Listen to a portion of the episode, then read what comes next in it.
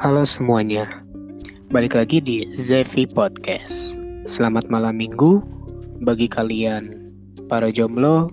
Mending kita dengerin aja siaran Zevi Podcast ini. Kali ini gua nggak akan bercerita tentang kisah-kisah uh, cerita rakyat. Kali ini gua mau ngebahas menceritakan pengalaman gua tentang MLM. Apa sih itu MLM? Nah di sini gue uh, sempet searching-searching dan ketemu definisi dari MLM adalah strategi pemasaran berjenjang atau berantai, di mana tenaga penjual sales tidak hanya mendapatkan kompensasi atas penjualan yang mereka hasilkan, tetapi juga atas hasil penjualan sales lain yang mereka rekrut. Nah, kenapa kali ini gue membahas tentang MLM? Seperti pengalaman gue waktu gue kuliah dulu, gue semester 1 uh,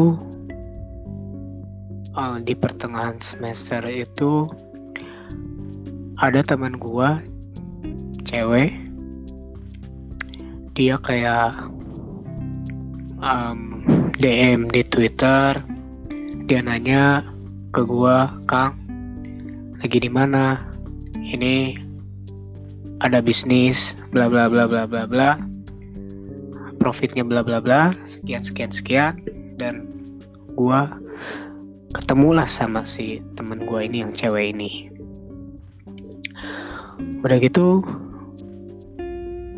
gue diajak ke satu daerah di kota Bandung di mana di situ tuh bener emang banyak banget orang-orangnya. Banyak banget. Ada juga yang di apa ya namanya tuh?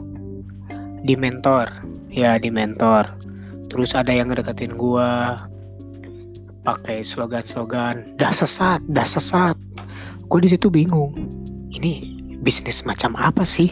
Harus pakai mentor-mentor segala terus di tempat yang ya, sumpah lah rumahnya itu nggak nggak layak untuk untuk pertemuan atau meet up tentang bisnis gitu ya. Jadi rumahnya tuh rumah rumah yang nggak kepake mungkin disewa atau ya minta izin ke warga setempat gitu. Oke udah gitu gua ngeliat orang-orangnya wih keren-keren tuh. Pakai apa namanya pakai pakai blazer. Terus eh maksudnya pakai blazer. Kalau blazer itu ya sudahlah. Dan itu setiap orang yang ngedatengin gue pakai slogan dah sesat dah sesat. Gue kan makin bingung tuh. Gue diliatin yang namanya um, apa buku tabungan. Nih kalau misalkan kamu ngambil paket yang ini kamu nanti profitnya segini tuh lihat kayak saya tuh tuh pemasukannya pemasukannya kayak gini. Setelah itu nggak lama kemudian saya masuk untuk di mentor sama pementor-pementor. Di situ saya kebingungan saya lirik kiri kanan. Orang-orangnya asli pada serius ngedengerin. Mentor itu bilang cuma saya sendiri yang kayak kayak pelangak pelongo kayak orang kayak orang bego. Sumpah kayak orang bego pelangak pelongo kiri kanan. Dah sesat dah sesat sampai tangannya di kepala dah sesat gitu. gue sendiri yang namanya nggak ngangkat tangan terus gue disuruh angkat tangannya kang angkat tangannya kang. Bilang aja dah sesat dah sesat. Ya gue kagak mau lah. Ya ya gue ah sesat lu ah sesat lu. Untung gak kagak kedengeran. Pas di mentor itu gue tuh kayak um, si pementornya itu bilang saya alhamdulillah saya setelah bergabung dengan perusahaan ini saya bisa ngeredit motor. Wah semua pada tepuk tangan. Luar biasa hebat. Udah sesat udah sesat di situ gue gue makin curiga makin makin ragu nih. Apaan nih? Bisnis macam apaan nih terus ada juga datang lagi pementor kedua. Ini bawahan saya. Dia um, bisa kebeli yang namanya motor merek Anu. Wow keren juga. Setelah dia bicara seperti itu dia menjelaskan di papan tulis gambar uh, nulis kayak ada pohon ininya pohon bisnisnya kalau misalkan beli paket paket satu dua tiga nanti profitnya ke kamu udah berapa kamu ngejualinnya berapa. Dan terakhir setelah saya di mentor ceritanya saya langsung dideketin tuh sama pementor. Karena si PA ini si PA si teman gua ini yang PA ini dia bilang ke si pementor ini nih mau ikutan nih ini nih mau ikutan nih. Saya dibawa sama pementor diceramahin. Gimana? Menarikan ininya keuntungannya. Kamu bisa beli ini kamu bisa beli itu. Gampang kok kamu tinggal jualin jualin aja ini produknya.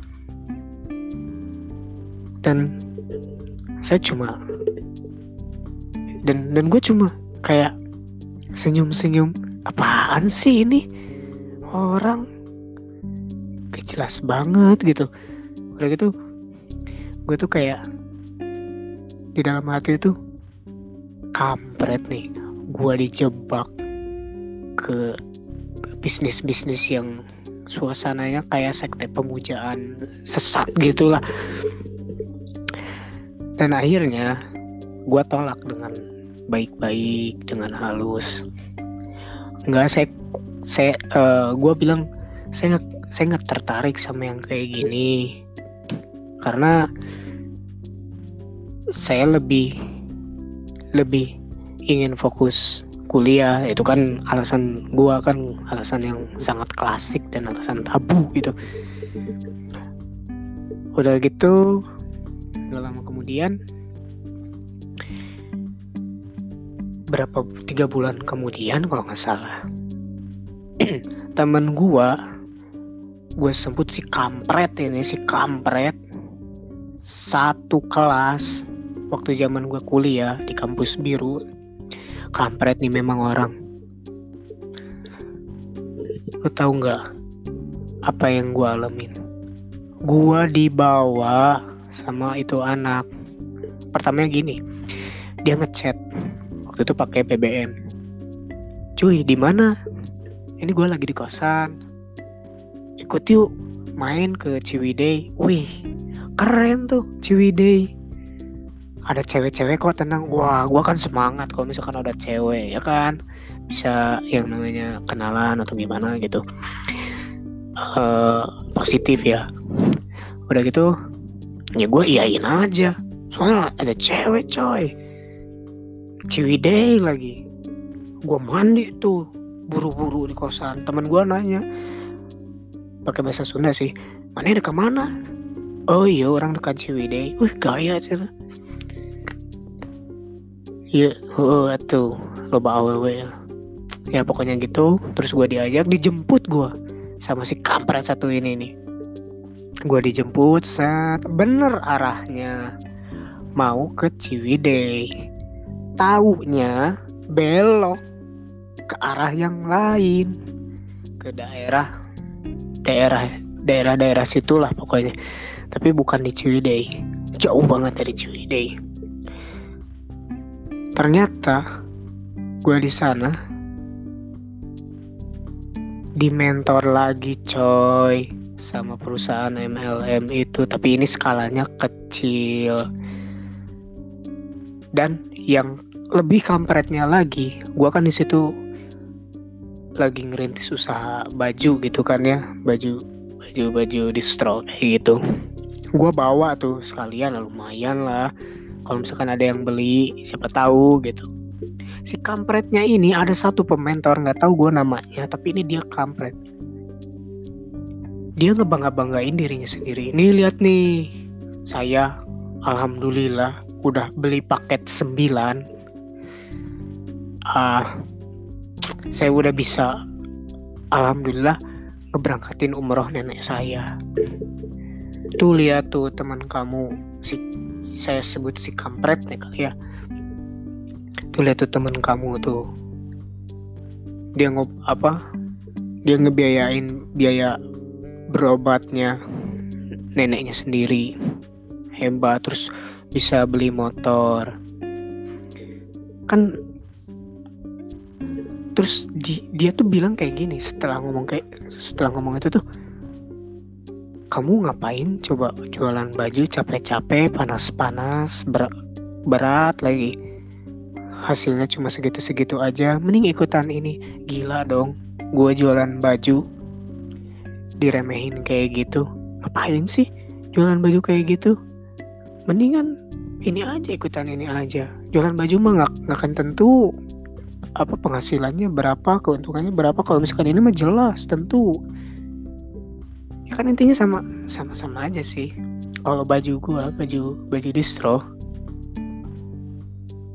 itu tuh penghasilannya jelas. Depan mata gitu. Terus bermanfaat buat orang. Kalau misalkan ini MLM produknya kayak gitu lagi. Sok-sokan ditempelin Bepom MUI dan nggak jelas gitu produknya apa gitu. Pasarnya juga dia nggak jelas mau ngejual ke siapa gitu. Akhirnya gue di sana di mentor lagi dong sama si kampret dua kampret ini. Oh iya gue ke sana tuh sama teman gue satu lagi cewek. Dia orang dia orang dekat-dekat Bandung lah orang orang Cimahi. Setelah gua yang namanya di mentor kayak gitu gue tolak gue ngobrol dong sama teman gue ini si cewek ini. Eh apaan sih ini? Nggak jelas banget MLM MLM kayak gini. Ya dia dia juga bilang nggak nggak jelas. Terus ya kita ngobrol panjang lebar sampai sampai kita ngehujat yang namanya yang yang namanya MLM gitu dan ya selama di perjalanan pulang kan gue tuh dibonceng nih di motornya si kampret ini. Dia tuh terus yang namanya ngegodain gue biar gue tuh ikutan tuh beli paket MLM itu. Maksa maksa gue dengan teori uh, apa ya? Teorinya gue lupa Oh iya teori kucing makannya apa? Makannya ikan kan? Terus kalau misalkan ikan kan kucing kan harus ke mana dulu lah gini dulu lah. Oh ya harus harus harus dia tuh bilang aja bilangnya ke, ke A. Bilangnya tuh gimana ya? Pokoknya kucing itu harus kucing itu makannya ikan, ya kan? Terus kucing itu kan makhluk darat dan ikan itu makhluk makhluk air. Itu kan apa ya? Gue juga ini mau nge ngejelasin logikanya dia tuh nggak nggak sampai gue seriusan. Dan akhirnya gue bilang, iya tahu kucing itu makanan makanannya ikan, tapi nggak selamanya ikan ada juga kok kucing yang enak-enak aja dikasih tempe enak-enak aja dikasih yang namanya kerupuk enak-enak aja dikasih yang namanya daging ayam daging sapi gitu. Nggak nggak selalu ikan ya kan? Dan juga mungkin di mungkin kucing nggak harus yang namanya berburu ke laut atau berburu ke sungai. Tinggal tinggal di pasar atau tinggal minta ke orang-orang yang lagi makan atau sama majikannya kan nggak perlu pakai logika-logika yang nggak jelas. Tapi gue nggak ngomong kayak gitu. Eh maksudnya gue nggak ngomong se sekeras itu gitu. Gue bilangnya kucing tuh nggak begini begini begini oke. okay udah gitu keesokan harinya eh malamnya coy malamnya. Dia nge nge BBM ke gue ngechat ke gue uh, ngechatnya lu di mana? Gue di rumah kata gue uh, gue minjem duit dong 100 100 atau 200 ribu. Ini uh, apa namanya ban ban motor gua nih bocor. Ya gue bilang kagak ada memang gue kagak ada duit. Duit gue kan di di baju semua. Gue bilang kayak gitu di chat tuh. Terus dia bilang aduh gimana ya? Dan setelah itu keesokan harinya ternyata itu tuh jadi bahan pembahasan sekelas coy. Gila nggak? Sekelas ngomongin tuh si kampret itu tuh. Ternyata bukan gua aja yang dimintain duit seratus ribu dan alasannya itu beda-beda. Ada yang buat biaya berobat neneknya ada yang bilang dia keserempet motor ada yang bilang dia jatuh dari motor. Gila nggak tuh? Gara-gara MLM ini dia sampai berani kebohong kayak gitu gitu. Eh yang nggak tahu juga. Mungkin dari sebagian dari kalian mungkin itu menganggap sah-sah aja sih. Karena ya strategi untuk mendapatkan uang. Tapi menurut gua kalau misalkan ingin mendapatkan uang nggak kayak gitu caranya coy. Berbohong. Nanti hasilnya pun nggak akan nggak akan apa ya nggak akan bener lah nggak akan berkah gitu. Terus udah gitu gua ngobrol-ngobrol sama teman-teman. Dan ketika si kampret itu datang gila nggak tuh sekelas pada cengin dia. Sekelas pada nyindir dia. Udah sesat, udah sesat, udah sesat. Tapi sayangnya teman-teman ada beberapa teman-teman kelas gua yang kehasut sama si kampret satu ini. Ada berapa ya? Satu dua tiga. Kalau di kelas gua ada ada ada tiga orang kalau nggak salah. Tiga orang.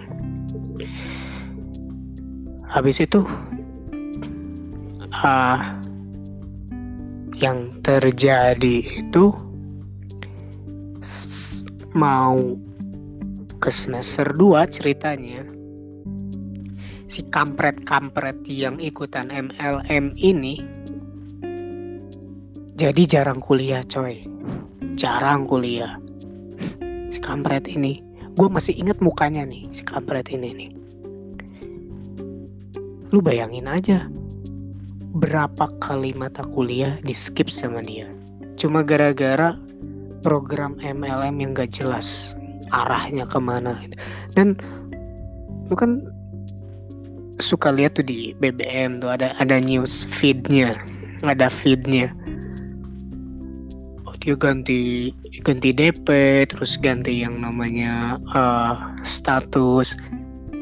Wah selamat kepada Bapak Anu telah uh, kepada saudara An, saudara Anu telah mendapatkan mobil gini bla bla bla bla bla.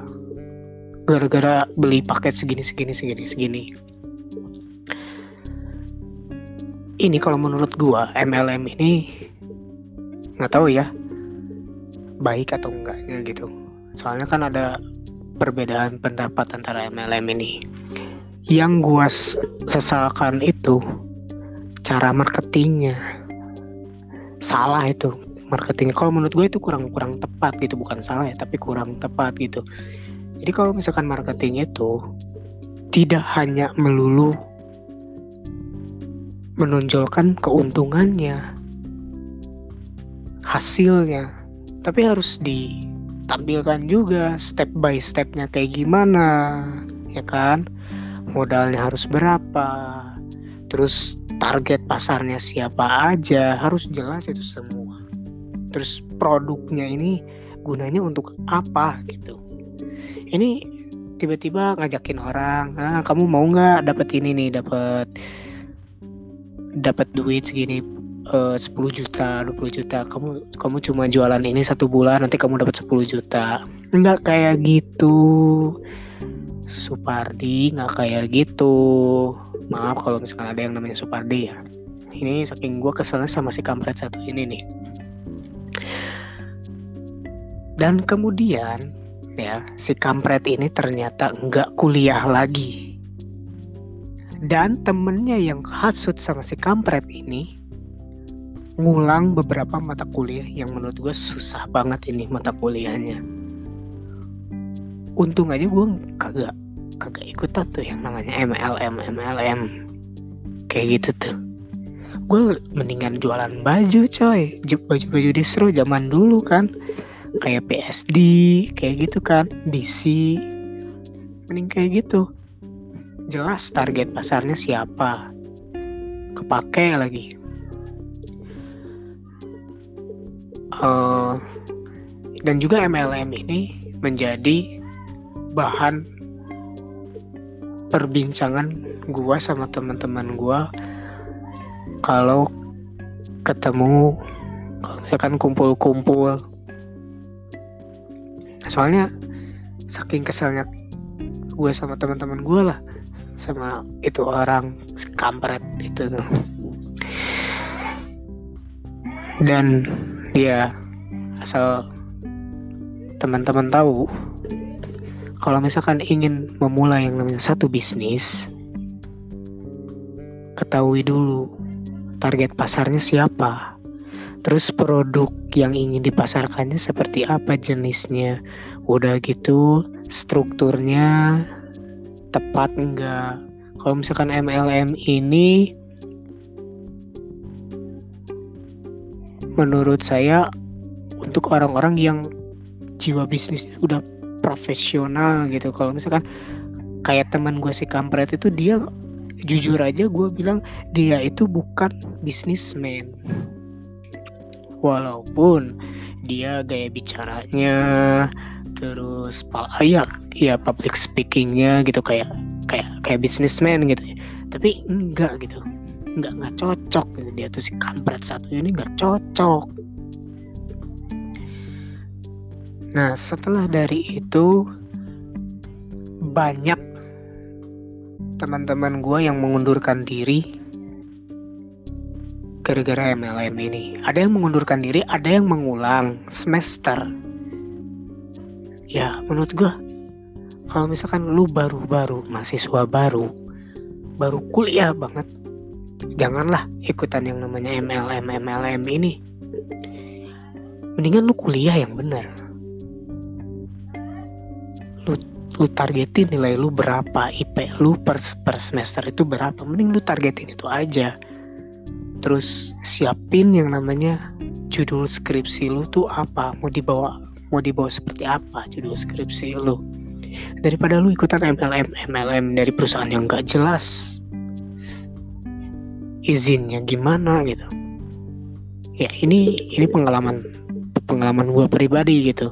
Agar kalian bisa tahu MLM itu seperti pisau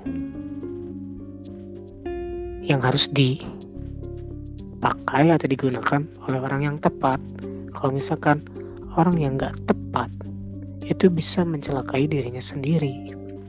So guys, mungkin kalian ada beberapa cerita